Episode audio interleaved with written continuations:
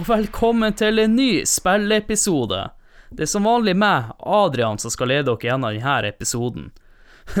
og som dere sikkert har lest i tittelen, så er det spillet vi skal snakke om i dag, Super Mario World til Super Nintendo. Mitt første Super Mario World-minne må jeg helt tilbake til førsteklassen på barneskolen. Da hadde jeg noen klassekamerater som diskuterte det en nye Mario-spillet, som hadde fått en oppgradert grafikk, og du kunne faktisk ri på en grønn dinosaur. Og jeg ble bare helt blown away, og hadde mange fantasier om hvor det bra det her spillet kunne være. Og noen måneder senere så var jeg såpass heldig, og kanskje litt bortskjemt, at jeg fikk en Super Nintendo med ti spill. Og en ut av de her spillene var Super Mario World. Det var ikke det spillet jeg brukte mest tid på, og jeg tror det kanskje skyldes at jeg ikke mestra spillet helt. Og det andre er jo at jeg hadde ni andre spill å spille, og noen av spillene der mestra bedre enn Super Mario World, så det havna litt bakpå, og det var som regel det spillet jeg brukte for å byttelåne spill med kompisene mine. Jeg vet i hvert fall at episodens gjest han setter spillet veldig høyt og spilte utrolig mye. Men før den tid så tar vi en rask gjennomgang om hvordan jeg lagde Super Mario World.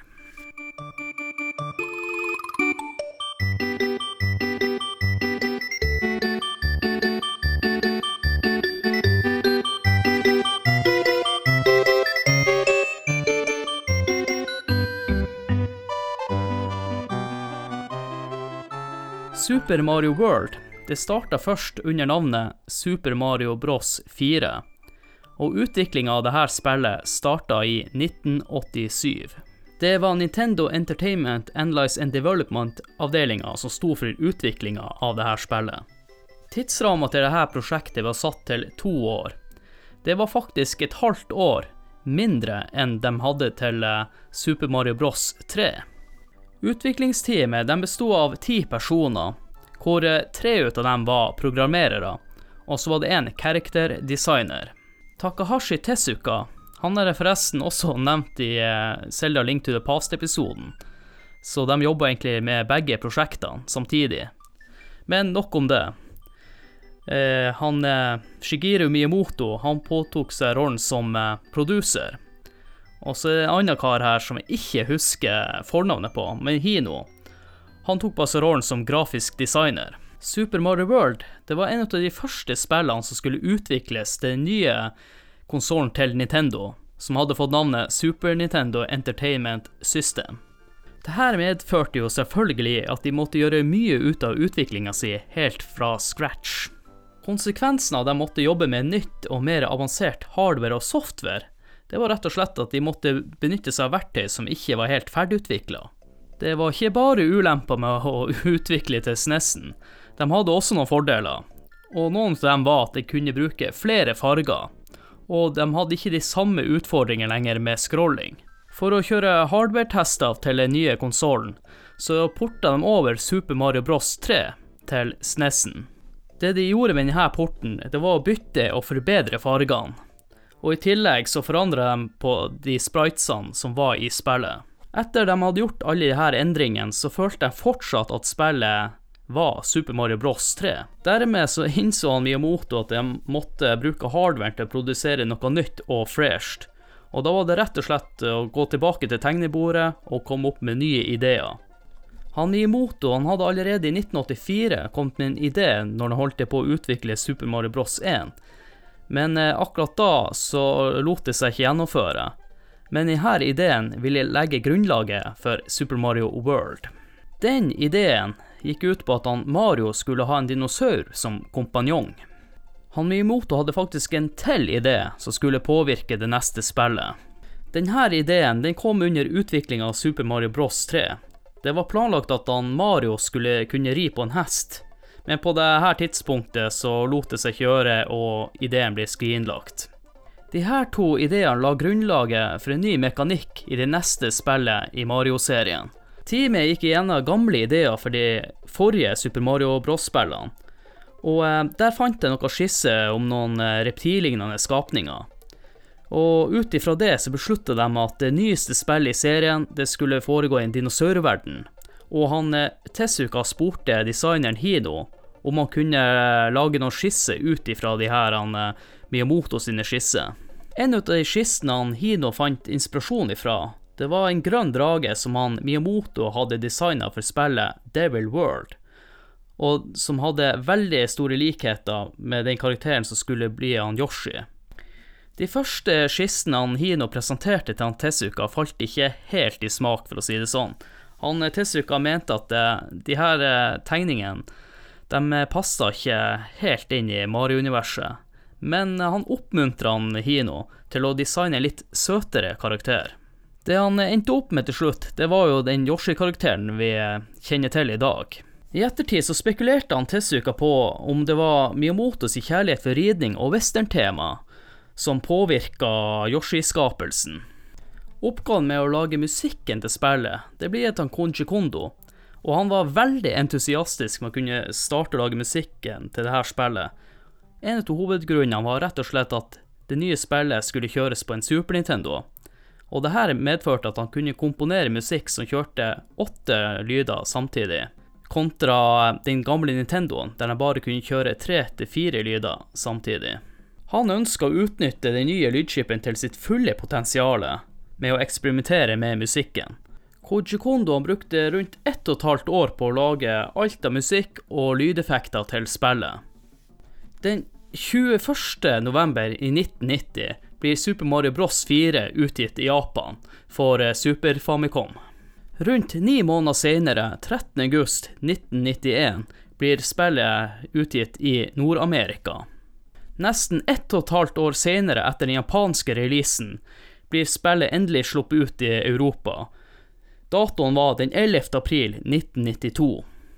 Det som skilte den nordamerikanske versjonen og den eh, europeiske versjonen fra den japanske, var at de hadde bytta eh, navn på spillet. I Japan så sa jo at spillet heter Super Mario Bros 4, men for eh, Nord-Amerika og Europa så ble spillet hete Super Mario World, som også er tittelen til denne episoden. Miyamoto han uttalte i ettertid at eh, Super Mario World er faktisk hans favoritt-Mario-spill, men han anser også spillet som ikke være helt ferdig. Og jeg lurer egentlig på hva han ville ha lagt til i dette spillet.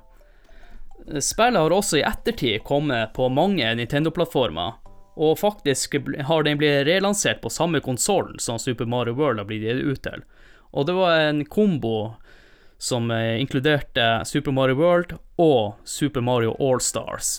Da har vi gått igjennom litt historien til eh, Super Mario World, men jeg vil anbefale folk å sjekke video på YouTube for der illustrerer de veldig godt eh, mange av ideene de hadde til spillet. Og det kommer ikke like eh, godt fram når jeg skal sitte og prate om det her. Så jeg anbefaler dere å sjekke ut YouTube. Da er det bare for oss å ta imot eh, episodens gjest, men før den tid så tar vi en rask pause.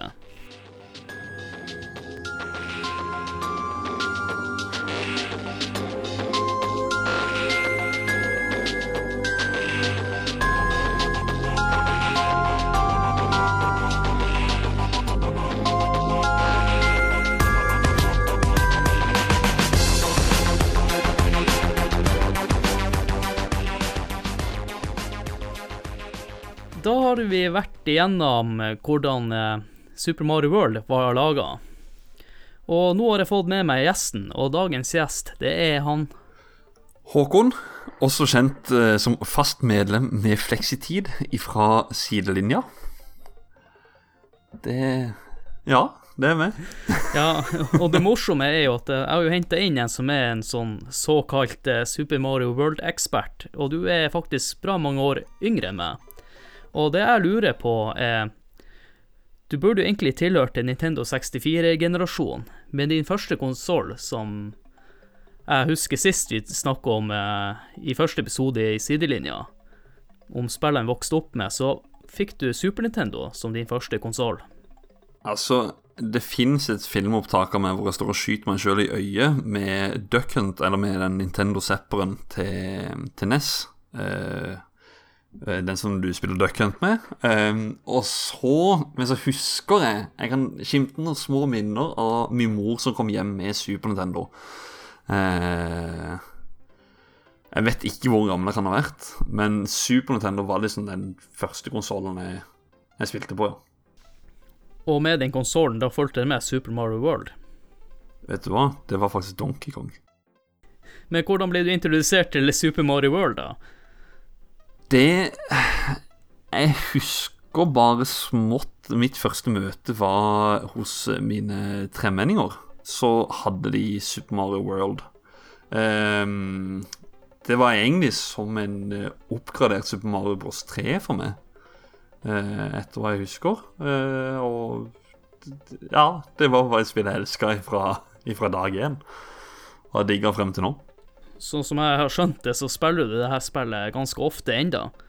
Det gjør jeg. Jeg går gjennom det ja, fem, seks, syv, åtte, ni, ti, kanskje sju ganger i løpet av et år.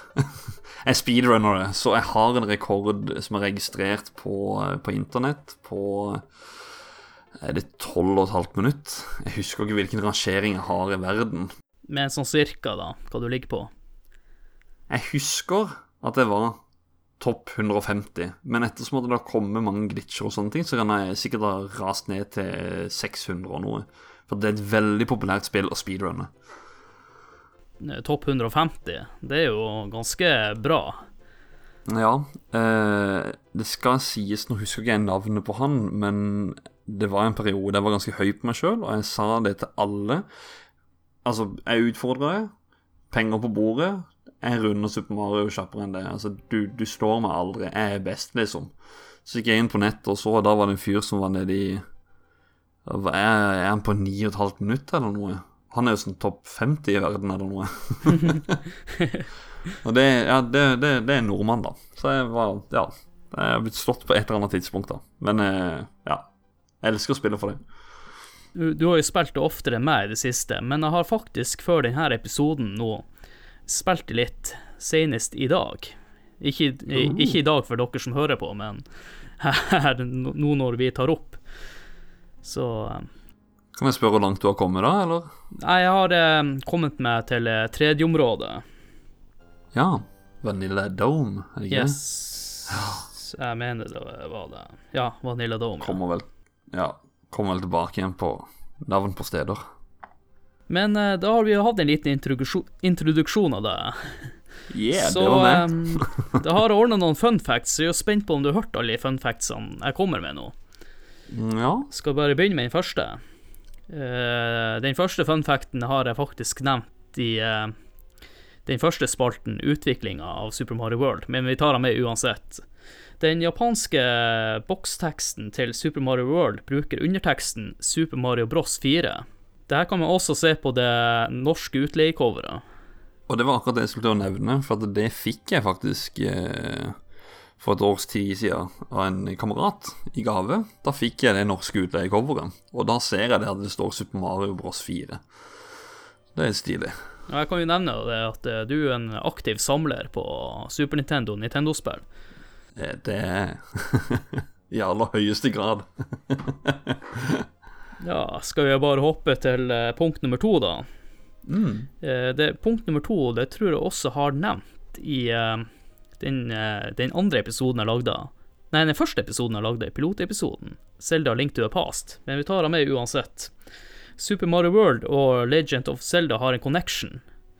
Både Forest of Illusion og Lost Woods het Maio no Mori i Japan. Jeg er litt usikker på om det er rett, men på engelsk betyr det Lost Forest. Mayoino Mori. ja, vet du hva, jeg har faktisk hørt noe sånne connection-greier før. Eh, Ikke sånn eh, Ikke sånn rett frem akkurat dette her, men jeg, jeg, har, jeg har hørt at det har vært noe Og Lost connection. Og vet du hvor du har hørt denne? Det er i. Zelda-episoden. Fordi at de utvikla begge spillene samtidig, og de hentet inspirasjon fra Super Mario World og brukte det i Zelda. Uh, nice. Det har du kanskje hørt, men ikke huska.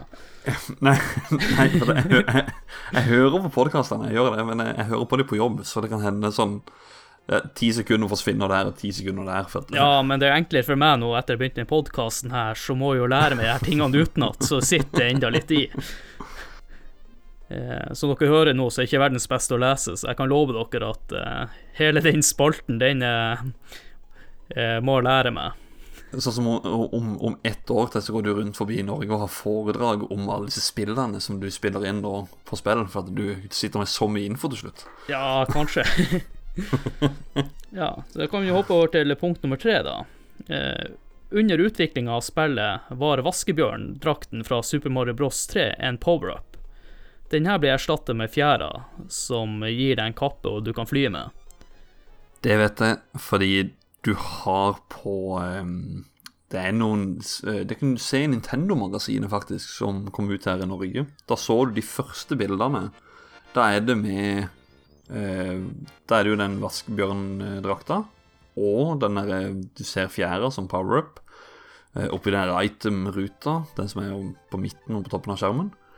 Eh, og så var det en annen type blomst og sånne ting. Det var veldig mye, faktisk, som var eh, ifra Super Mario Bros 3 som var med i betaen til eh, Super Mario World, faktisk.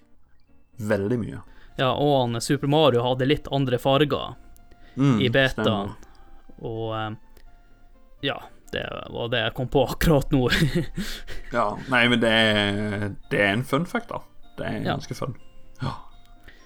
Eh, Da tar vi neste. Det er det mest solgte spillet til SNES. Kødder du? Det forklarer jo det egen, egentlig en dårlig fun fact, fordi at det her spillet fulgte jo stort sett med alle Super Nintendoene som ble solgt Det i starten. det er jo som Tetris til Gameboy. Alle hadde jo Tetris når de kjøpte en Gameboy. Super Nintendo, alle hadde Super Mario World. Og ja, NES, alle hadde Super Mario Bros 1. Ja, og så videre. Men det var ikke et dumt valg av Nintendo, da, så bøndle det med konsollen. Nei, den første gangen jeg spilte på en Super Nintendo, han kjøpte en bundle med Joe and Mac i stedet for Super Mario World. What? Ja, eller han kjøpte ikke, han fikk det i bursdagsgave eller noe sånt. Den komboen der, den har jeg aldri hørt. Det er- Det er Enten så er det med Donkey Kong, eller så er det Super Mario World, faktisk. Men det var også en bundle med Joe Mac, så det var en fun fact du ikke visste. Ah, det, nei, det var kult, da. Men jeg er litt usikker på om det var bare plain Super Nintendo som kjøpte Joe Mac. Men jeg mener det var, jeg mener det var en bundle. Men uh, over til Super Mario World igjen. Yes! I den eh, japanske versjonen så kan han Yoshi spise delfinene, som de skulle ha vært en vanlig fiende i spillet. Yoshi, din uh, jævel. Du spiser ikke delfinene. Hallo? Ja, visste du det? um, uh, jeg kunne sagt ja, men jeg, jeg velger faktisk å si nei. Uh, det er ikke noe jeg, jeg, jeg Kanskje har hørt det. Kanskje. Ja. Så det er sikkert er ikke Greenpeace som stopper det. ja. Det var en uh, fact som jeg bare fant på. Uh, da tar vi neste. Hvis spilleren venter i special zone i to minutter, vil en cover, eller en, en covra versjon av Overworld-teamet fra Super Mario Bros starte. Det visste jeg, faktisk. Mm. Da går, vi bare på neste. Jeg måtte bare trekke pusten her litt nå og tenke jo, det vet jeg. Fordi Ja. Mm. Ja, da går vi til neste. Det The Sunken Ghost Ship var en gang et airship fra Super Mario Bros. 3. Super Mario Bros 3 stemmer. Det vet jeg. Det er sabla kult, og det er faktisk den eh, Sunken Ghost Ship er den banen jeg Altså, jeg, jeg, faktisk, jeg var livredd når jeg spilte på den banen. Var du bare på den? Jeg var liten, jeg var jo livredd alle de Ghost House. Ja, jeg syns de var litt ekle, men, men Og det er ganske sykt at vi sitter og sier det at et Super Nintendo-spill, det, var det, det var skummelt. Jeg spilte mange Super Nintendo-spill jeg syntes var skummelt. Man hadde jo så god fantasi, så du så jo forbi pikslene, holdt på å si. Ja, du så det kanskje i 3D-perspektiv, eh, first person mode. Nei, altså um, Sunken Ghost Ship eh, Jeg husker bare det der med alle de klokkene og alt det. at Du, du er under vann og sånn. Nei, fytti grisen, altså. Det var, det var en skummel bane. Jeg var, jeg var redd for den banen. Ja, da tar vi den siste. Det er jo ikke akkurat direkte spill, da, men det er relatert til Super Mario World. Det ble utgitt en tegnefilmserie som var basert på Super Mario World. Mm, Den har ikke jeg sett. Den som gikk på TV, er ikke den mer basert på Super Mario Bros 2? Eh, Vi fikk ingen norsk utgivelse av, av den tegneserien der. Um, hvis vi har gjort det, så har vi fått én episode, eller to, kanskje. Um, Men er den bra tegna, da? Det høres ut som du har sett den. Ja, han Nei, jeg lasta den ned. Eh, Hysj, ikke si det til noen. Eh, men eh, jeg lasta ned eh, flere år tilbake. Da skulle jeg egentlig ha tak i Mario Bros 3. eh, den tegnefilmen til Super Mario Bros 3. Og så fant jeg plutselig Super Mario World animated greier. Så lasta jeg ned. Det er hakket bedre enn Super Mario Bros 3-animasjonene. Eh, og så er den irriterende Hva skal si eh, En liten kid som løper i eh, sånn eh, Sånn Joe and Mac, vet du. Steinalder-kid. Eller steiner... Ja. Det er, en, det er en sånn kid som løper rundt der med en steinhammer. Ja, men det er jo fordi de er jo på Dinosaur Island eller noe sånt. Ja.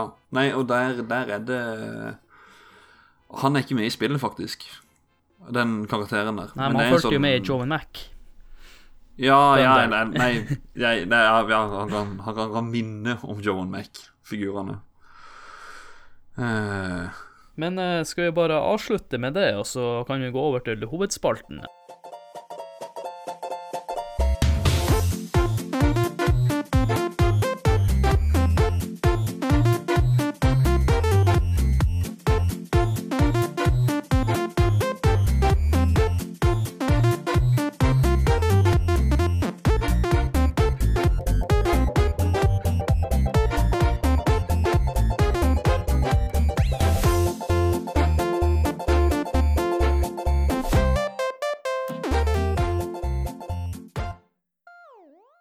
Da har vi hatt en kort pause, og vi starter på neste spalte. Og det første jeg kan eh, spørre deg om, eller snakke om da, det er hva går egentlig Super Mario World ut på? De fleste vet egentlig det, men eh, jeg tenker bare ta en rask eh, det er jo ei som atter en gang har blitt kidnappa, da. Denne gangen av en mann som Hva er det han svever rundt i? Det er jo ikke sånn det er en uh, ballong eller eh, ja, en, en ballong med et smilefjes på. Uh, ja, han er blitt kidnappa, da. Så eh, må jo du kjempe din vei ifra A til B og ja, redde prinsessa atter en gang. Akkurat som Link og eh, ja, hvem andre som må redde prinsesser. Ja, det er vel eh, et plott i de fleste gamle spill. Gud, for en drittjobb. Men eh, det er jo også en liten eh, background story der. Eh, skal du ta det, eller skal jeg ta det? Eller? Du kan ta det, du.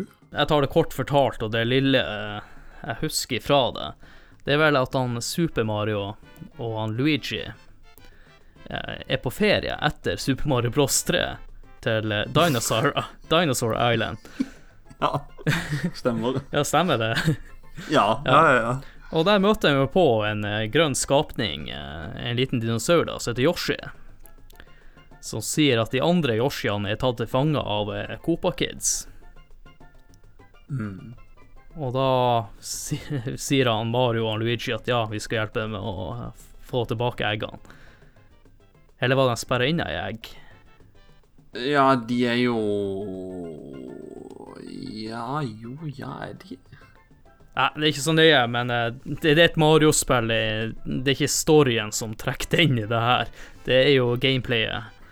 Det er jo egentlig en ting du kunne tatt med i funfacten, da, når du sa det med at det som om, om å hjelpe med å redde dem, så vil jeg si at ja, Mario han bare hopper opp på ryggen og rir på Yoshi.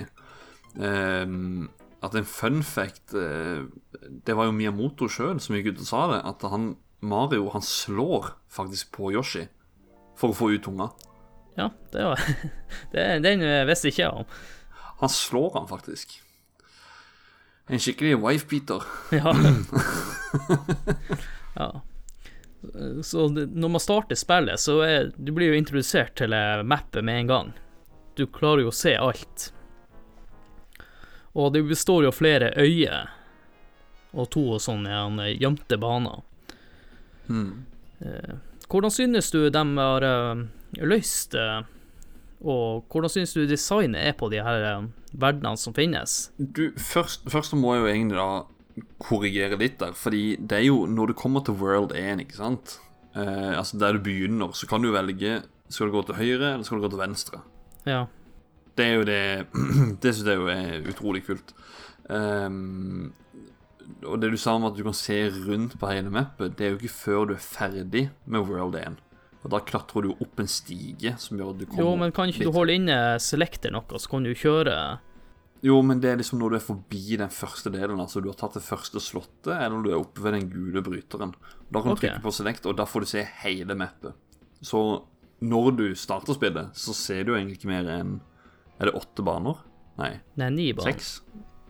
Én, to, tre, fire, fem. Fem Fem baner og Yoshi House er det. Det er egentlig bare de du ser i starten. Så når du er ferdig med de, så kommer du videre opp til det som er Donut Plains. Og da kan du se over hele det svære mappet der. sånn. da ser du liksom hvor stort det spillet egentlig er. Men hvordan syns du eh, de har løst designet med de forskjellige områdene? Det er jo litt sånn eh, forskjellige farger de også har brukt. Ja ehm, Jo, hva skal jeg si fint.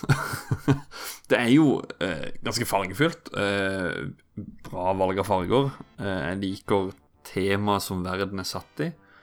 Ehm, ja, alt i alt. Jeg digger designet.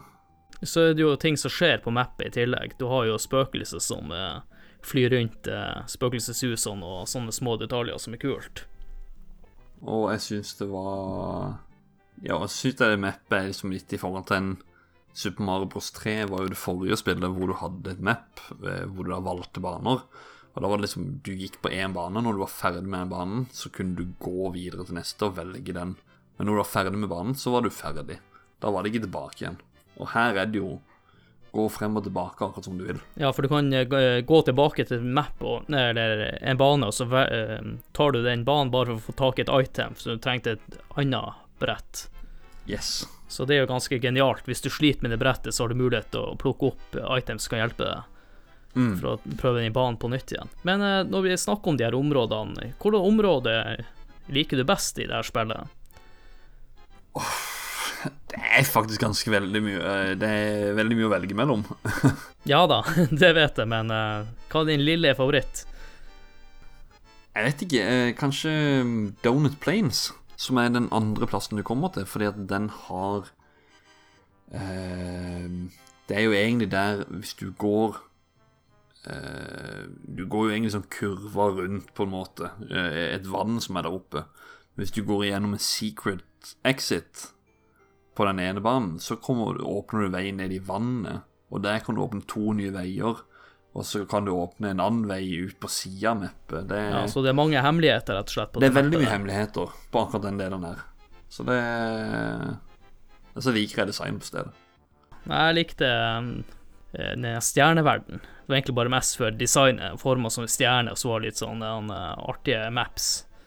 Mm. De var vanskelige. Ja, de var vanskelige, men eh, når vi er inne på vanskelig, hvordan synes du de har bygd opp eh, de brettene? Level design? De blir Synes du har en eh, jevn sånn eh, læringskurve? Det syns, jeg syns eksempel at eh, etter World 1, da, Yoshi Island, og kommer til Donut Plains, så syns jeg vanskelighetsgraden blir brått høyere. Og spesielt på den bane nummer to, der det er sånn scrolling, og Ja, den der eh, hula, eller? den, ja, og taket, taket går opp og ned og sånn. Ja, taket går opp og ned, stemmer. Um, altså, med, med personlig så er ikke noe problem med noen av banene. Nei, nei, men du er såpass god, men nå har jo jeg spilt eh, for første gang sikkert på ti år. Og da jeg følte at det, det brettet var litt sånn utfordrende, og det andre eh, Jeg skal være enig og si at det, selv om at det er min favorittplass, så er faktisk det et av de kjedeligste mappene.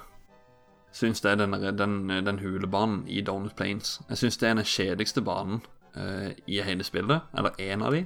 Ja, det er jeg enig med deg. o- men området er fortsatt en, en favoritt.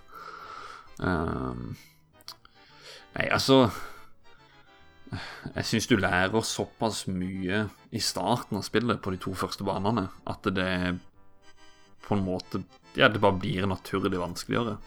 Og så forandrer de seg også. Det, det, det går ikke ett. Du har eh, noen baner der du må hoppe på plattformer.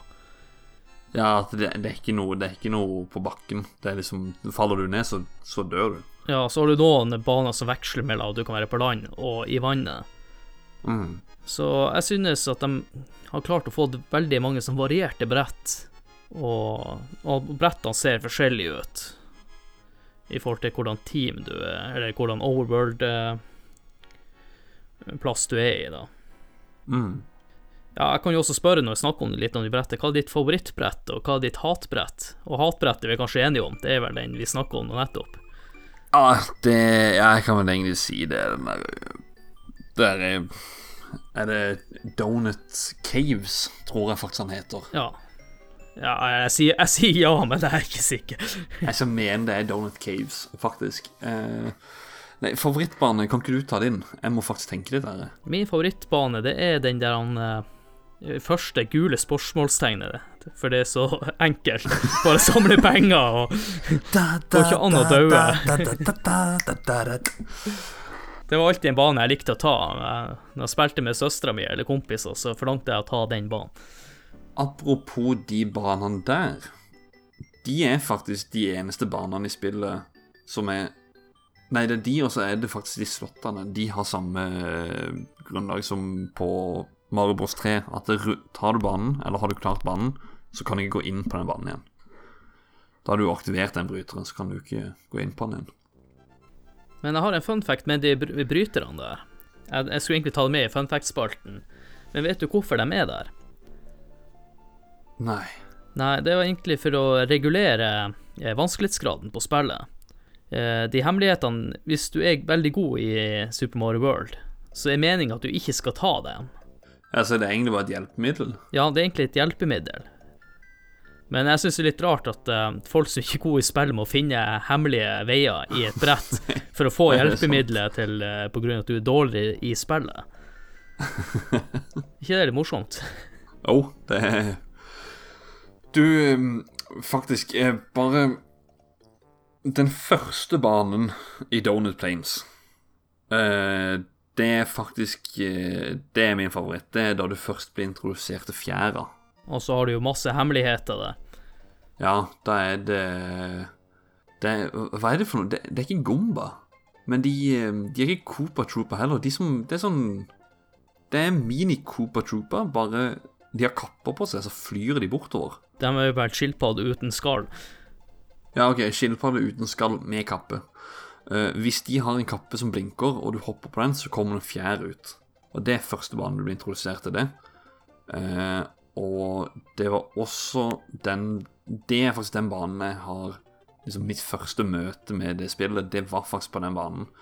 For at uh, midt i der så kan du gå ned i den ene pipen, eller ned i det ene røret, og da kommer du inn på sånn Det er bare sånn bonusområde hvor det er masse mynter. Og det er meningen at du skal fly bortover med kappa og ta alle de myntene. Jeg skal mene sånn 200 mynter eller noe der. Og da var det det at vi sto inntil Det var De røyrene der inne var så sinnssykt høye. Så skjønte vi jo ikke Ja, skal vi fly opp, liksom? Det det som er greia? Så husker at vi holdt inne løpeknappen, og så løp vi imot. Og da var det den derre rosa Ja, rosa tingen, ja, med sånn smilefjes på. ja, som er sånn vertikal kant som står inntil eh, røyr. Og så plutselig bare løper vi oppover veggen, vet du. Og bare, Hva er det som skjer for noe? kan han løpe på veggene? Holy shit. Nei, Det er så litt sjarmen med også med gamle spill, og vi som ikke på den tida hadde internett, det var at vi måtte utforske de her tingene. Sant. Men vi snakka jo litt om eh, folka med Eller de skilpaddene med kappe uten skall. Så da lurer jeg litt på hva hva synes du om karakterdesignene i spillet, og hvordan synes du Mario ser ut i det spillet? Synes de har et bra design? Jeg syns faktisk Marius ser ut sånn som han skal se ut. Altså, det, det er sånn som Marius ser ut der, det er den Marioen jeg kan Og, og han ligner på seg sjøl i som vi hadde sett på de tegnefilmene. Ja. Jeg syns, jeg syns liksom det designet der er liksom Det er Mario-design for meg, da. Om jeg kan si det sånn, da. Ja, en av Yoshi og de fiendene. Syns du også designet på dem sitt? Ja, jeg syns Eneste gompene i det spillet syns jeg er litt stygge. Gombaene er stygge. Uh, det er jeg helt enig i. Han der amerikanske fotballspilleren, han skjønner ikke hvorfor jeg er med. Det er en uh, amerikansk fotballspiller det er, som har tre måter å angripe på. Uh, enten kaste tennisball Eller det, det er en baseball, men eh, Ja, å ja, ja, ok, ja, ja. Han kaster en baseball, eh, og så er det amerikansk fotball. Eller så løper de bare.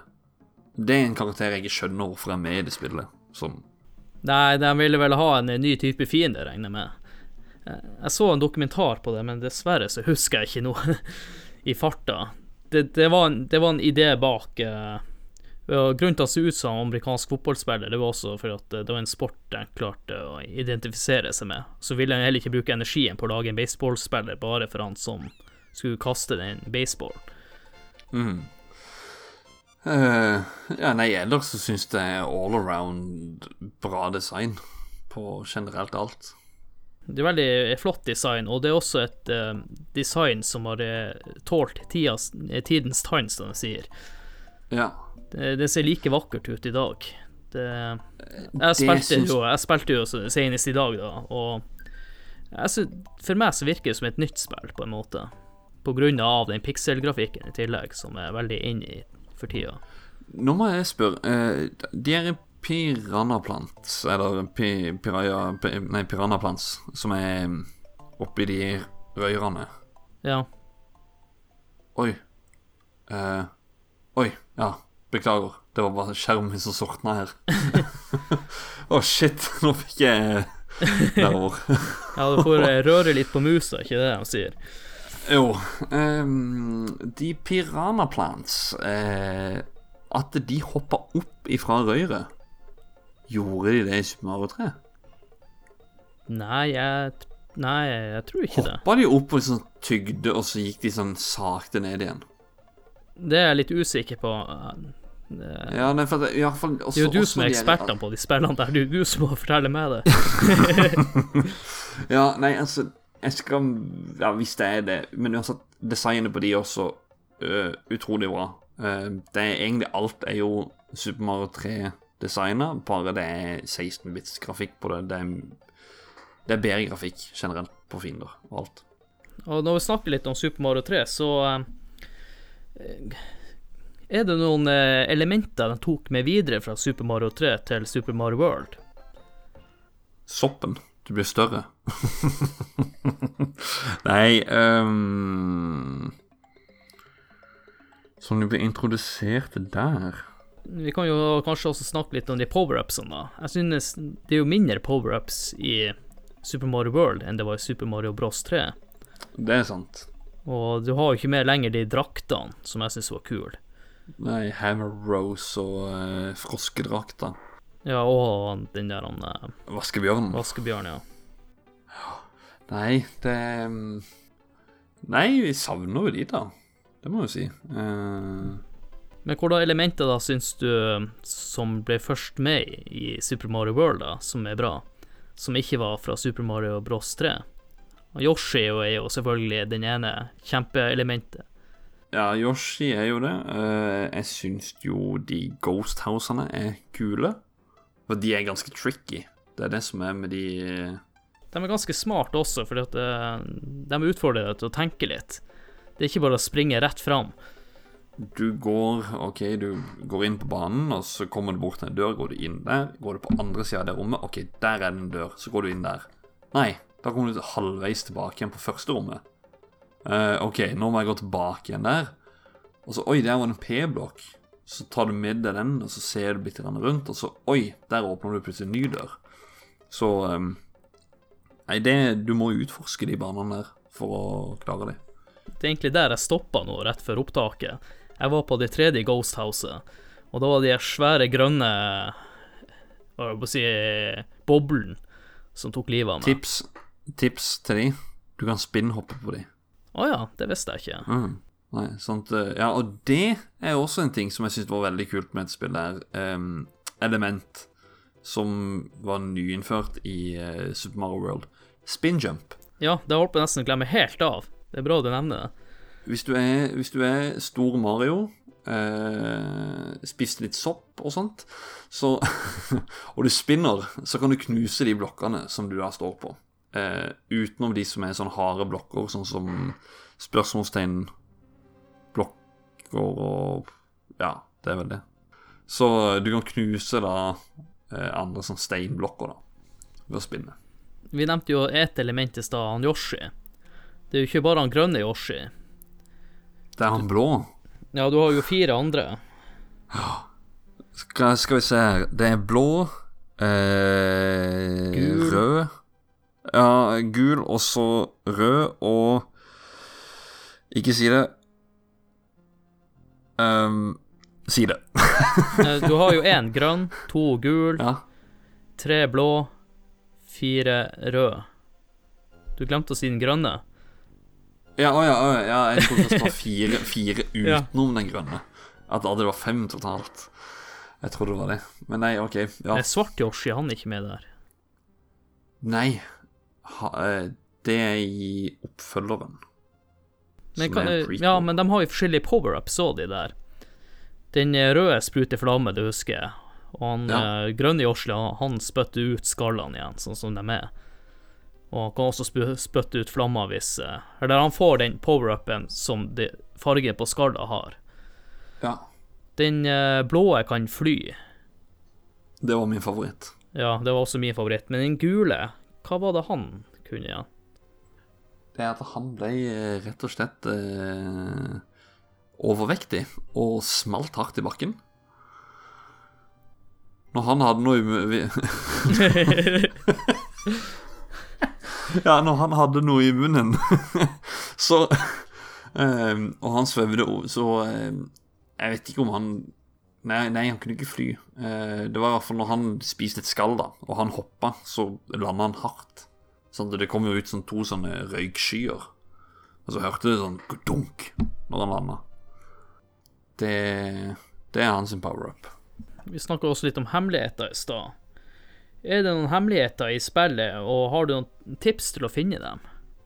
I Åh um, det- var jo egentlig en jeg hadde lyst til å si som min favorittbane. Uh, og den er på min favorittplass, Donut Plains. Uh, den heter Top Secret, Ar uh, Top Secret Area. Eh, da er det Der får du Yoshi, og så har du muligheten for å få to fjær eller to eh, sånne flammeblomster. Um, den ønsker du Er det ikke Ghost House? Det første Ghost House du kommer til i Donut Plains uh, Nå husker jeg ikke hvilken vei du må gå. Nei, eh, det du må gjøre mm, i første del, så må du fly opp langs veggen. Fordi, ja, og der døde jeg mye. Å, herregud, hvor mye jeg har dødd. Og, da, og der finner du eh, ei dør etter hvert. Stemmer. Du må bare fly rett opp, og så løper du langs taket, og så Og da lokker du opp til denne power-up-hemmelige banen, der du kan få en Yoshi, to fjære eller to eh, eh, blomster. Jeg glemte nesten å, å, å, å spørre i stad. Vi har jo ikke snakket om de forskjellige bossene i spillet. Hver eh, verden, da, det har jo, består jo ett sånn eh, slott. Og i hvert slott så er det jo sånn Cooplings, Cooperlings som er, er bossene der. Ja. Når jeg kjørte mye kort gjennomspilling nå, jeg kommer ikke så langt, så synes at den første Cooperlingen du kommer til, er vanskeligere enn andre bossen. Jeg vet hva, han tar jeg på to sekunder. Han har en strategien for å ta. Ja, men eh, for meg som ikke har strategien Men der er det jo det at den, han er jo bare på en sånn halvsirkel, altså en en flytende øy. Ja, Ja, flytende øy oppå, en, oppå lava. Så går han liksom venstre, eller heller mot venstre, så heller mot høyre, og frem og tilbake. Så når den heller mot venstre, så skal du hoppe oppå han, og da renner han ned imot lavaen. Ehm, det du skal gjøre, du skal flamme blomsten. Skal du komme inn Med en gang du kommer inn, skal du skyte han én gang med en flammekule. Hoppe på han og skyte en flammekule til. Da har du sendt han rett ut i lavaen, og da brenner han. Når jeg spilte det her, så synes jeg at han var vanskeligere enn eh, boss nummer to. Jeg vet, Hvem er det som er boss nummer to nå igjen? Jeg vet ikke om han er Morton eller hvem det er ute der. Han bare går opp etter veggen, og så detter han ned hardt. Og så må du hoppe på han mens han går mot veggen.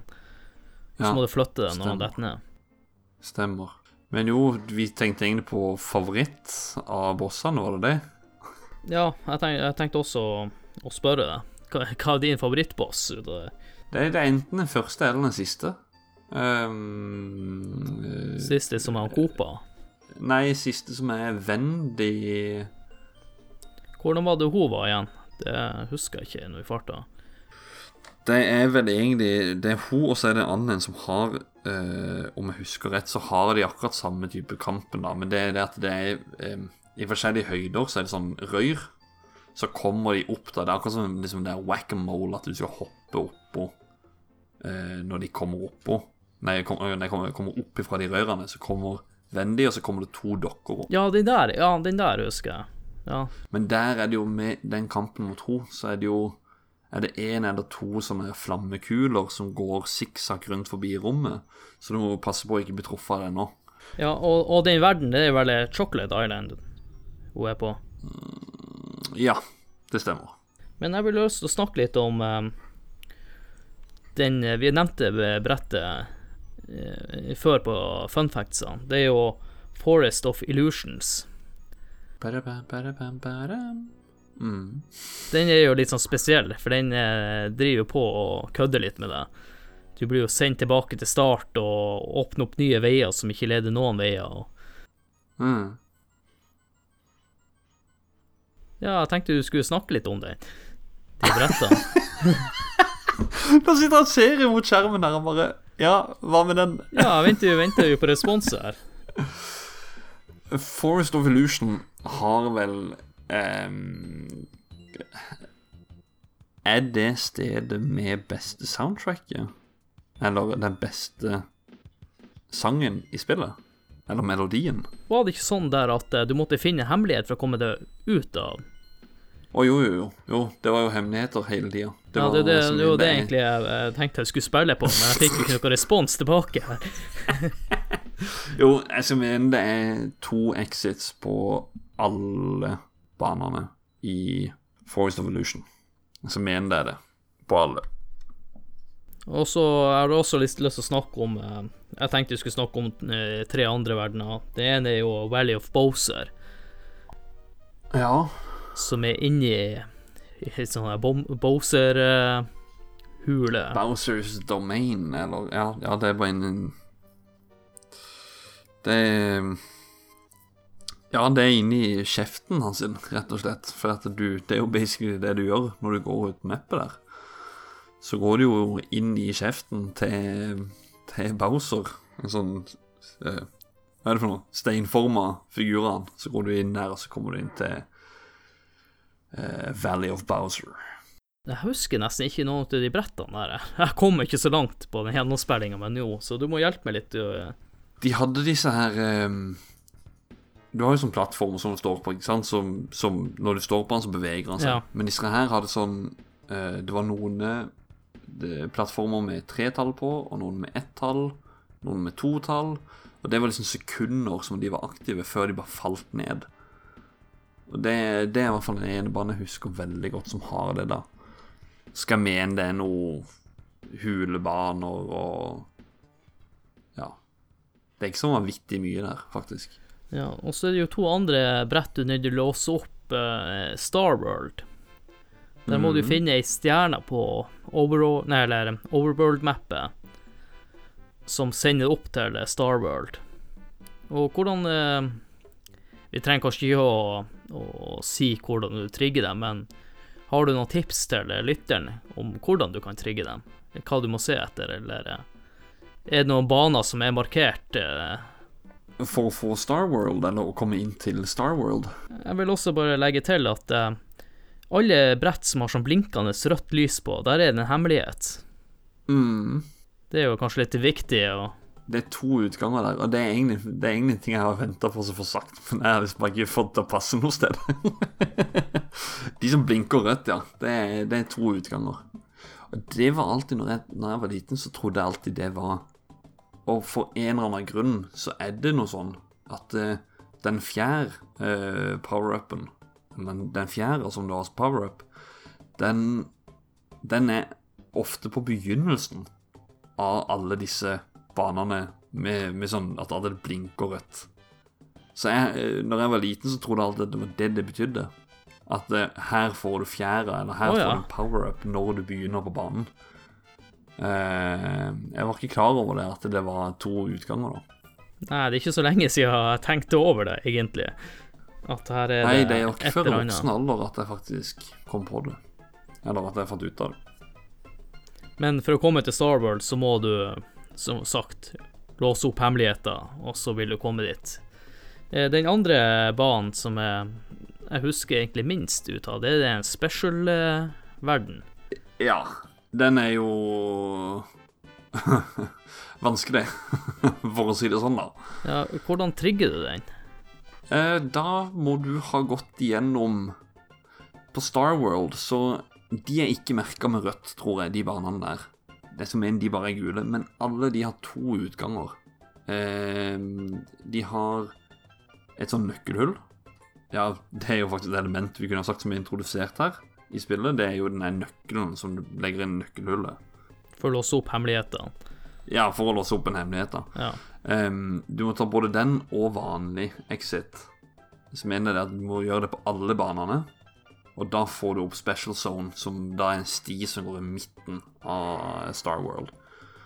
Som da sender deg av gårde til en sort verden med noen baner bortpå og en Så det er nøkkelen i Star World. Når du finner alle nøklene, Mm. da låser du opp eh, Special World. For å si det veldig kort. Ja, og vanlige exits. Du nevnte jo Forest of Illusion i stad, med god musikk.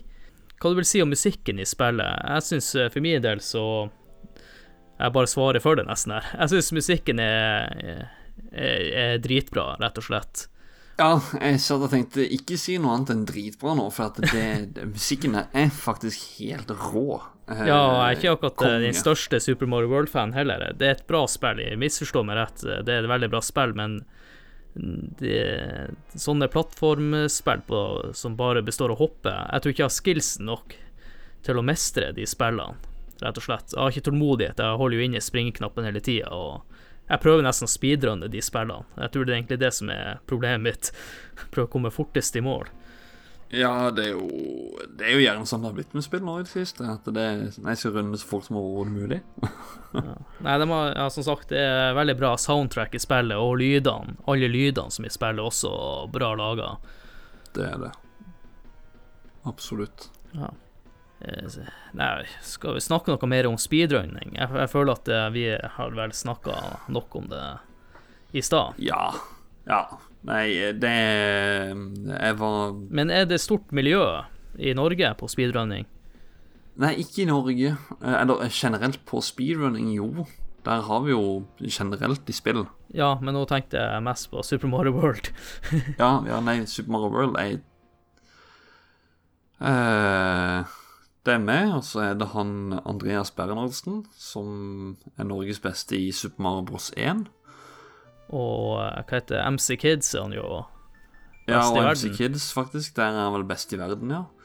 Um, så er det han andre, som er noe topp 100 eller et eller annet, uh, i Super Mario World. Men, men det er jo veldig bra prestasjoner der, da. Det er jo det. Veldig. Ja, men uh, speedrunning-miljøet for Super Mario World i Norge er ikke særlig stort. ikke så stort. Nei. Dere har vel ikke engang en Facebook-gruppe? Nei. Nei, men det, det har vi Hvis det ikke. som hører på, så er det mulighet til å starte opp ei Facebook-gruppe for speedrunning av Super Mario World. Eller finnes det speedrunner-gruppe generelt for Norge? Ja, det var nå det, da. Eh, det vet jeg ikke, faktisk. Da, da får vi finne det ut eh, etter sendinga. Ja, bare søk speedrunning Norge, og så tar vi en sjanse på det. Hvis ikke, så kan du starte det òg. Ja. Nei, så vil jeg også snakke litt om Det kom en oppfølger til Super Mario World, men det er jo en helt annen type spill. Vi trenger ikke gå så mye inn på det, men du kan jo eh, nevne kort om det.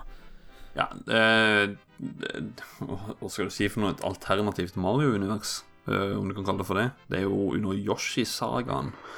Um, for at i Super Mario World så er det jo det at eh, Som vi nevnte tidligere, at de er på ferie til Dinosaur Land, eller hva det heter. Ja, Dinosaur er også. Sånt. Ja, men i den oppfølgeren her, som da egentlig er en prequel, da er det det at eh, Mario eh, eh, Hva er det for noe? Eller Baby Mario. Ja, han Yoshi passer på han Baby Mario, Ja. ja.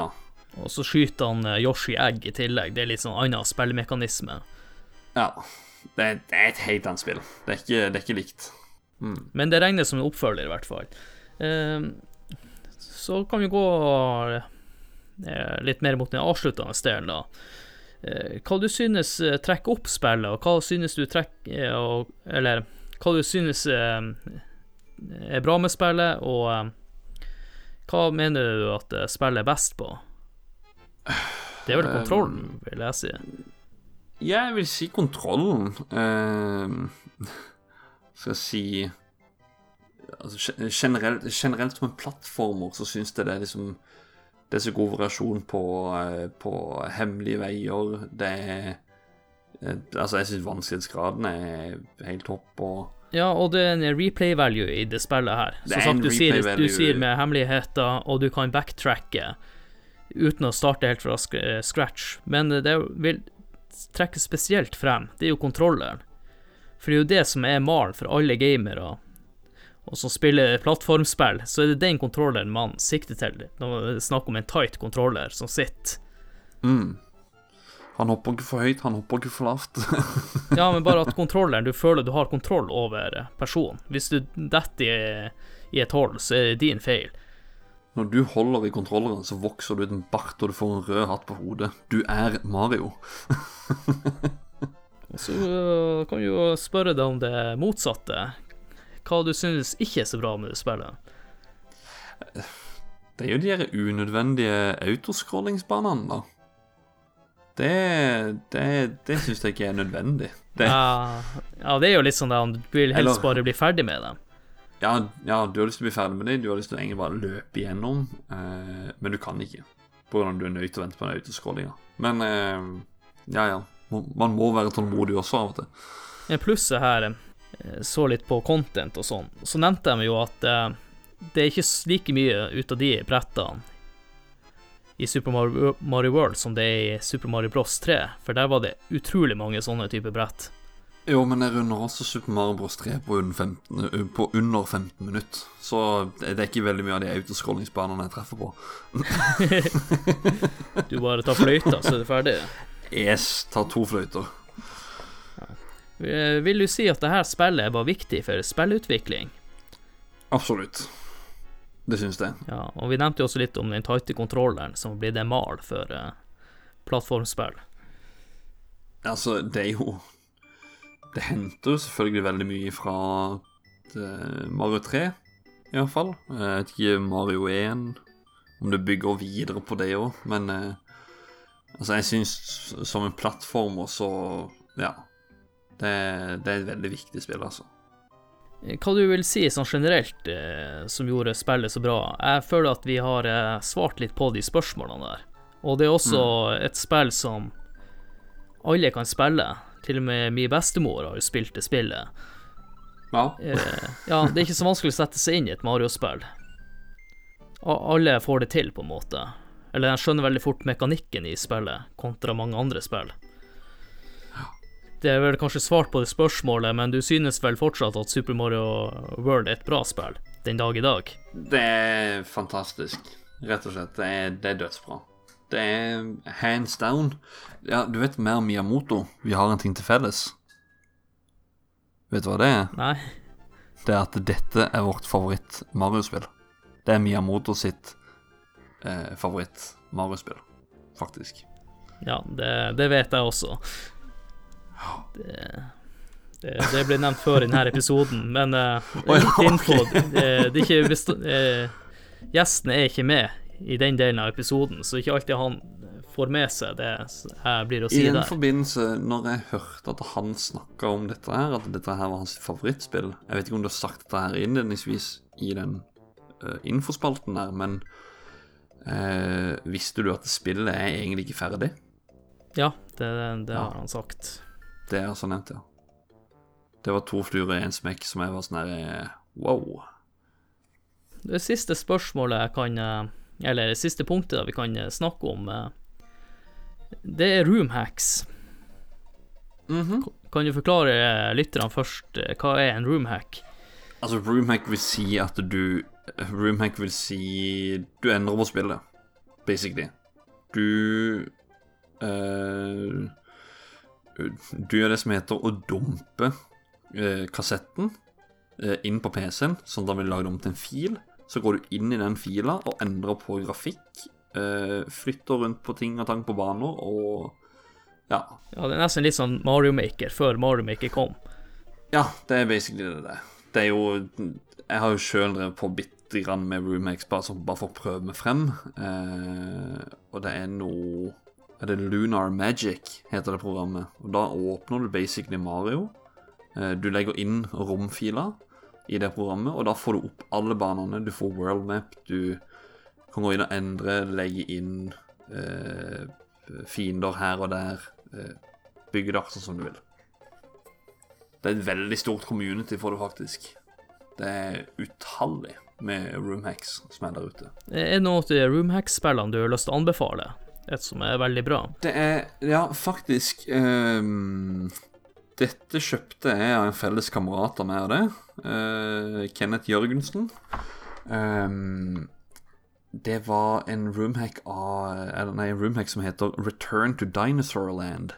Ja. Det var Det var basically uh, en fan-made sequel til Super Mario World, som var bare liksom Det bare bygde videre på historien og var uh, Jeg syns vanskelighetsgraden der er mye bedre enn det han er i det spillet her.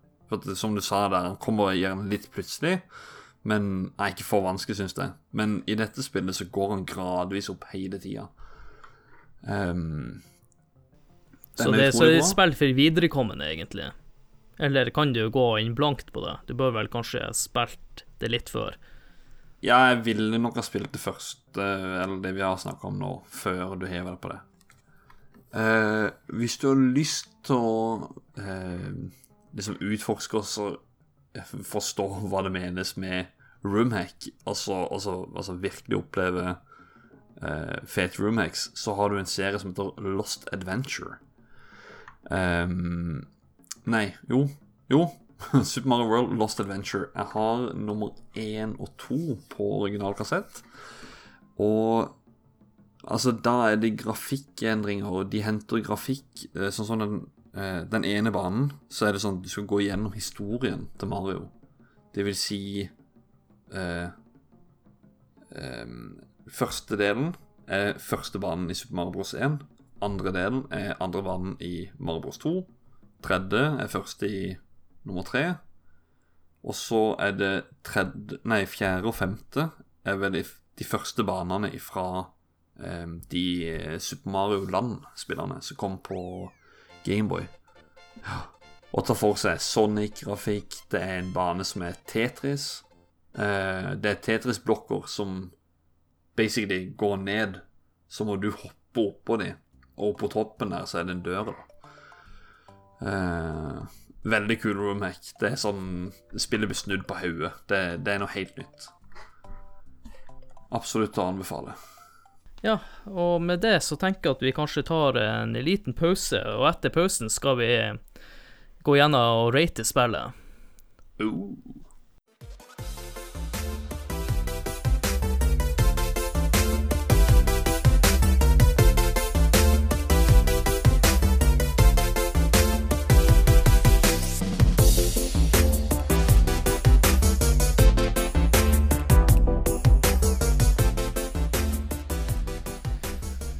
Da er det på tide å rate spillet. Ja, du Ikke så kjapt nå. um, skal vi Jeg føler på at vi glemte noen verdener uh, som er på det kartet. Ja, vi har vel kun snakket om uh... Vi snakker om Yoshi Island, som er den første. Så klatrer du opp på stigen der, og da kommer det Donut Plains med vannpytten her. Eh, på slutten av den så går du jo inn i, en, eh, så går du inn i et fjell. Og hva heter det fjellet der? eh, Ja, det var Nilla Dome, for det er jo akkurat der jeg har kommet sjøl. Yes, stemmer. Og der kan du jo gå to veier. Og da kommer du opp på toppen av fjellet, eller midt på fjellet. Og da er du på fjerde verden, som heter Twin Bridges. Eh, Og det ligger litt i ordet, det er jo to forskjellige bruer. For begge utgangene fra Vanilla Dome, da, leder ut til to bruer. Ja, da er det til venstre side i Vanilla Dome. Da, Men i Vanilla Dome, eh, vi kan jo si det at eh, det består mest av som denne hule- eller grotteverdener.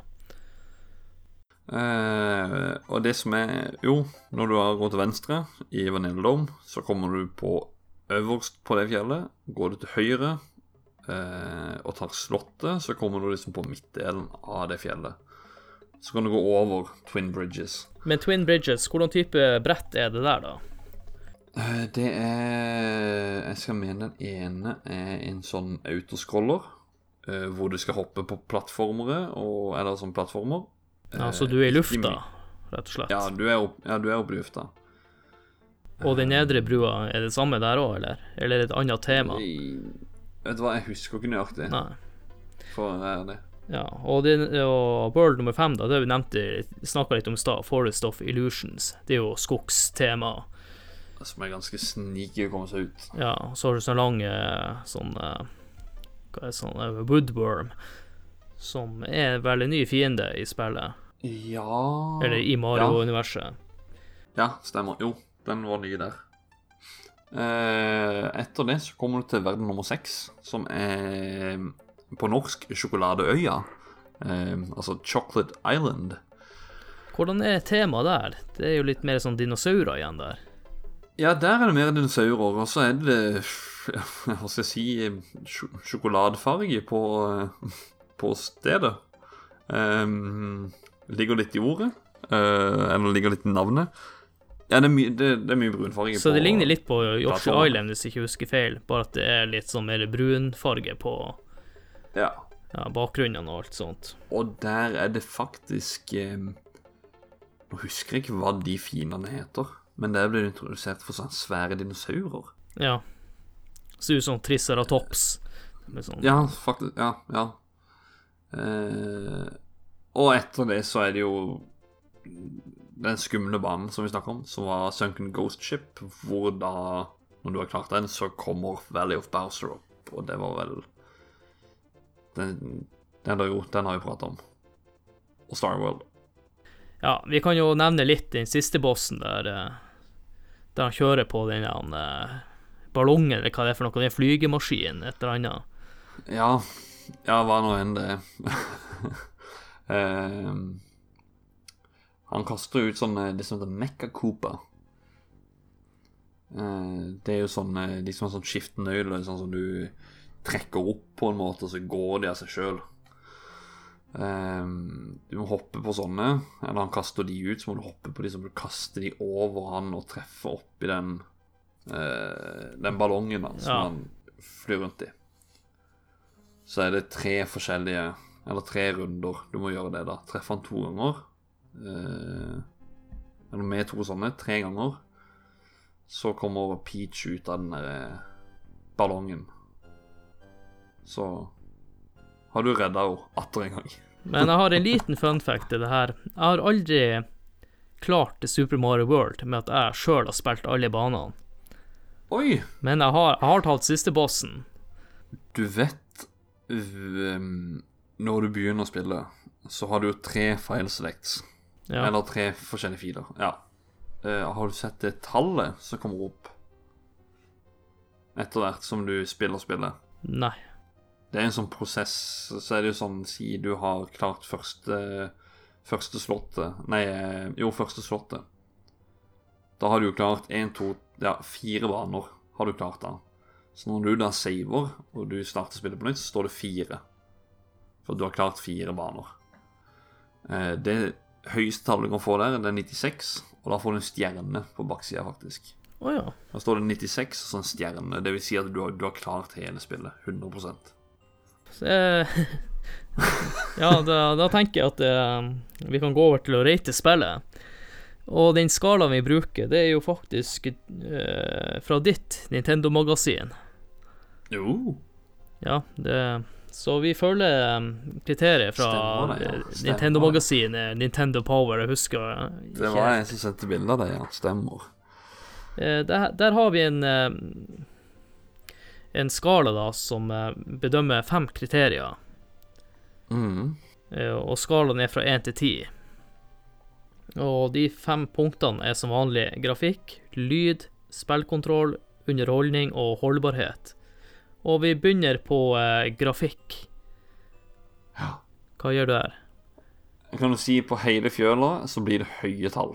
Um, grafikken uh, Det er en fin, fargerik, simpel grafikk. Han er ikke perfekt. Eller, eller han Syns er ikke den beste. Nei, jeg, jeg sier ikke en ti av ti, jeg sier ni av ti. Ehm, det er en eh, Det er grei grafikk og alt sammen, men du har veldig mange andre Super Nintendo-spill som har insane god grafikk i forhold. Jeg spilte som sagt i- senest i dag, og jeg vil faktisk si det er ti på grafikk. Eh, lyd. Vi snakka litt om lyden også i stad. Så du trenger vel ikke utdype det, men eh, hva du vil gi? Jeg gir det ni av ti. Det er ikke det beste, det er, men det er fortsatt et veldig minneverdig eh, bra soundtrack. Eh, faktisk, eh, jeg vil at alle dere som hører på nå, du også, Adrian, etterpå så går du inn og hører på den um, Jeg skal mene bare det er Overworld-theme Eller den første banen, da. Så skal du høre nøye i bakgrunnen, skal du høre den bassen som er der. Det er helt spesiell bass. Det er den måten Eller ja, det, Bassen er bare dritfett. Du må inn og høre det. Og så legge merke til den bitte lille detaljen, da. Jeg skal gjøre det neste gang. Gjør det. Du er sikker på om sjøl hadde gitt karakter på lyd, men jeg gir det i hvert fall ni av ti der. Mm. Spillkontroll. Solid ti av ti. Ja, der er jeg helt enig med deg. Den sitter i hånda. Altså, faktisk, det er sånn du Du vet hva du skal gjøre, for å si det sånn, når du sitter med den. Det er solid. Og neste punkt er underholdning. Eh, Du kan jo ta det først. Eh, Jeg tipper på at du får en veldig høy score siden du spiller det så ofte. Ja øh, Ja, jeg Det er nesten så jeg kunne sagt ni. Uh, men Jeg, jeg tror du nesten må si ti her. Det, det er jo Nei. ingen spill som du spiller så ofte som det her, og et spill du tar og, og opp og spiller igjen. Nei Uh, Det er jo Men altså, sånn underholdning, da tenker jeg også litt Da kanskje mistolka det litt, da. Um, da tenkte jeg litt sånn mer på story og liksom hvor underholda du blir av det. da Ikke bare det at det er en bra plattformer. Ja, men det er jo det, er jo det underholdninga ligger i. Hva er underholdning, hva det, hva det gir er det, sier vi ti av ti. For meg så er det jo litt vanskelig, så jeg er ikke helt fan av denne type spill. Fy faen, så dårlig. Men jeg har spilt igjen. Jeg syns det er utrolig morsomt, og jeg har jo lyst til å, spille det når jeg er ferdig med episoden her. Det er en ting som er veldig positivt med det her. Du trenger ikke bruke mye tid når du setter i gang med spillet. Du kan ta ett brett som varer i to minutter, og that's it. Det er lett å ta det opp Mm. og spille det. Ja. Eh, Det er ikke min favoritt, eh, men jeg føler jeg kan ikke gi det dårligere enn eh, åtte av ti. Ja, det er fair. Nei, vet, jeg, tar, jeg gir det ni, av ti. Det, det er såpass bra Ja, spill. Litt, litt, litt av grunnen for at jeg syns det også Altså Underholdningsmessig for min del så er det også det at eh, å speedrunne det Altså den biten med å speedrunne det er utrolig gøy, fordi eh, jeg føler på når jeg speedrunner spillet, så er det som at det, ting er lagt opp til at du skal kunne klare banen, og at det er så perfekt satt sammen på de banene. Men samtidig så tror jeg bare det er en tilfeldighet pga. når du kommer inn i en rutine på hvordan du skal klare banene. Men det er som at det, det er designa for det, så det er mer sånn Og det syns Det er også er et godt tegn. Det er jo kommet Mario Maker nå, men du klarer ikke å lage baner på like bra måte som de har gjort det. Det, det, er, mye, det er mye arbeid bak eh, som kanskje ikke man tenker over. Men eh, det siste punktet vi har, det er holdbarhet. Det kan jo ikke gi noe annet enn ti, regner jeg med. Nei, der kan jeg gjerne gi en elver, ti om det er lov. Nei, dessverre det, så det er funker ikke det. åpenbart, åpenbart ti av ti. Det er det- er faktisk et spill eh, si, det er udødelig, holdt på å si, på en måte. Det er udødelig. Jeg er jo bonusfar til, til to, eh, og far til én. Eh, han er jo bare tre måneder gammel, så han har ikke begynt å spille enda Men de to andre de har spilt Super Mario World, og det er Det er liksom Ja. Det, det er et spill som har kommet ut for Når var det kom ut? 93? Det er 1990 i Japan, mener jeg Ja, ok. Ja, Jeg tror det er 91 eller 92 i Europa. Jeg husker ikke. Jeg nevner det i starten av episoden, så et spill som er nærmere 30 år gammelt, som eh, holder seg fortsatt like Som gir en like bra opplevelse for meg. Eh, eller som Eller nei, for, for barna i, i dag som det gjorde for meg når det kom ut. Det er liksom Det er en utrolig bra eh, holdbarhet på det. Jeg synes det fortsatt er like gøy. jeg gjør det også ti av ti. Det er ingen tvil om det. Og så til slutt så må vi jo ha, kjøre litt sånn egenreklame. Eh, jeg anbefaler eh, folk å like spill på Facebook. Og gjerne kommenter under episoden deres minner fra spillet, eller om dere har noen tips og triks til Super Mario World. Eh, og episoden blir først lagt ut der. Eh, Det andre jeg oppfordrer dere til, det er å eh, abonnere på Soundcloud, iTunes og Spotify. Men der finner du spillpodkasten under en annen podkast som heter Sidelinja. Og grunnen til at jeg har gjort det sånn, det er at eh, jeg skal slippe å betale for to. Ja. Ja. Og så kan jeg vel også egentlig anbefale til dere som hører på, gjerne komme med forslag til spill som det kan prates om. Så kan kanskje du være gjest her. Ja. Eller var jeg farlig, eller, eller, eller var det feil av meg å si? Nei, nei, det er for all del. Jeg oppfordrer jo folk til å um, sende beskjed på Messenger. Men når du først er inne på den sida, så gjerne lik noe spillside også. Ja. Ja, da tror jeg vi har vært igjennom alt av egenreklame og eh, det. Så da vil jeg egentlig bare eh, takke for meg. Så vil jeg gjerne takke til gjesten. Jo, selv takk. Eh, vi snakkes på Sidelinja-podkasten, vi. Ja, og jeg regner også med at du blir å være gjest på andre episoder. Du, det er ingen tvil. Dette her var jo veldig gøy å gå i dybde på et spill. I hvert fall et spill som jeg digger, sånn som dette. Ja, og da er det bare én ting igjen å si, og det er ha det! Ha morna!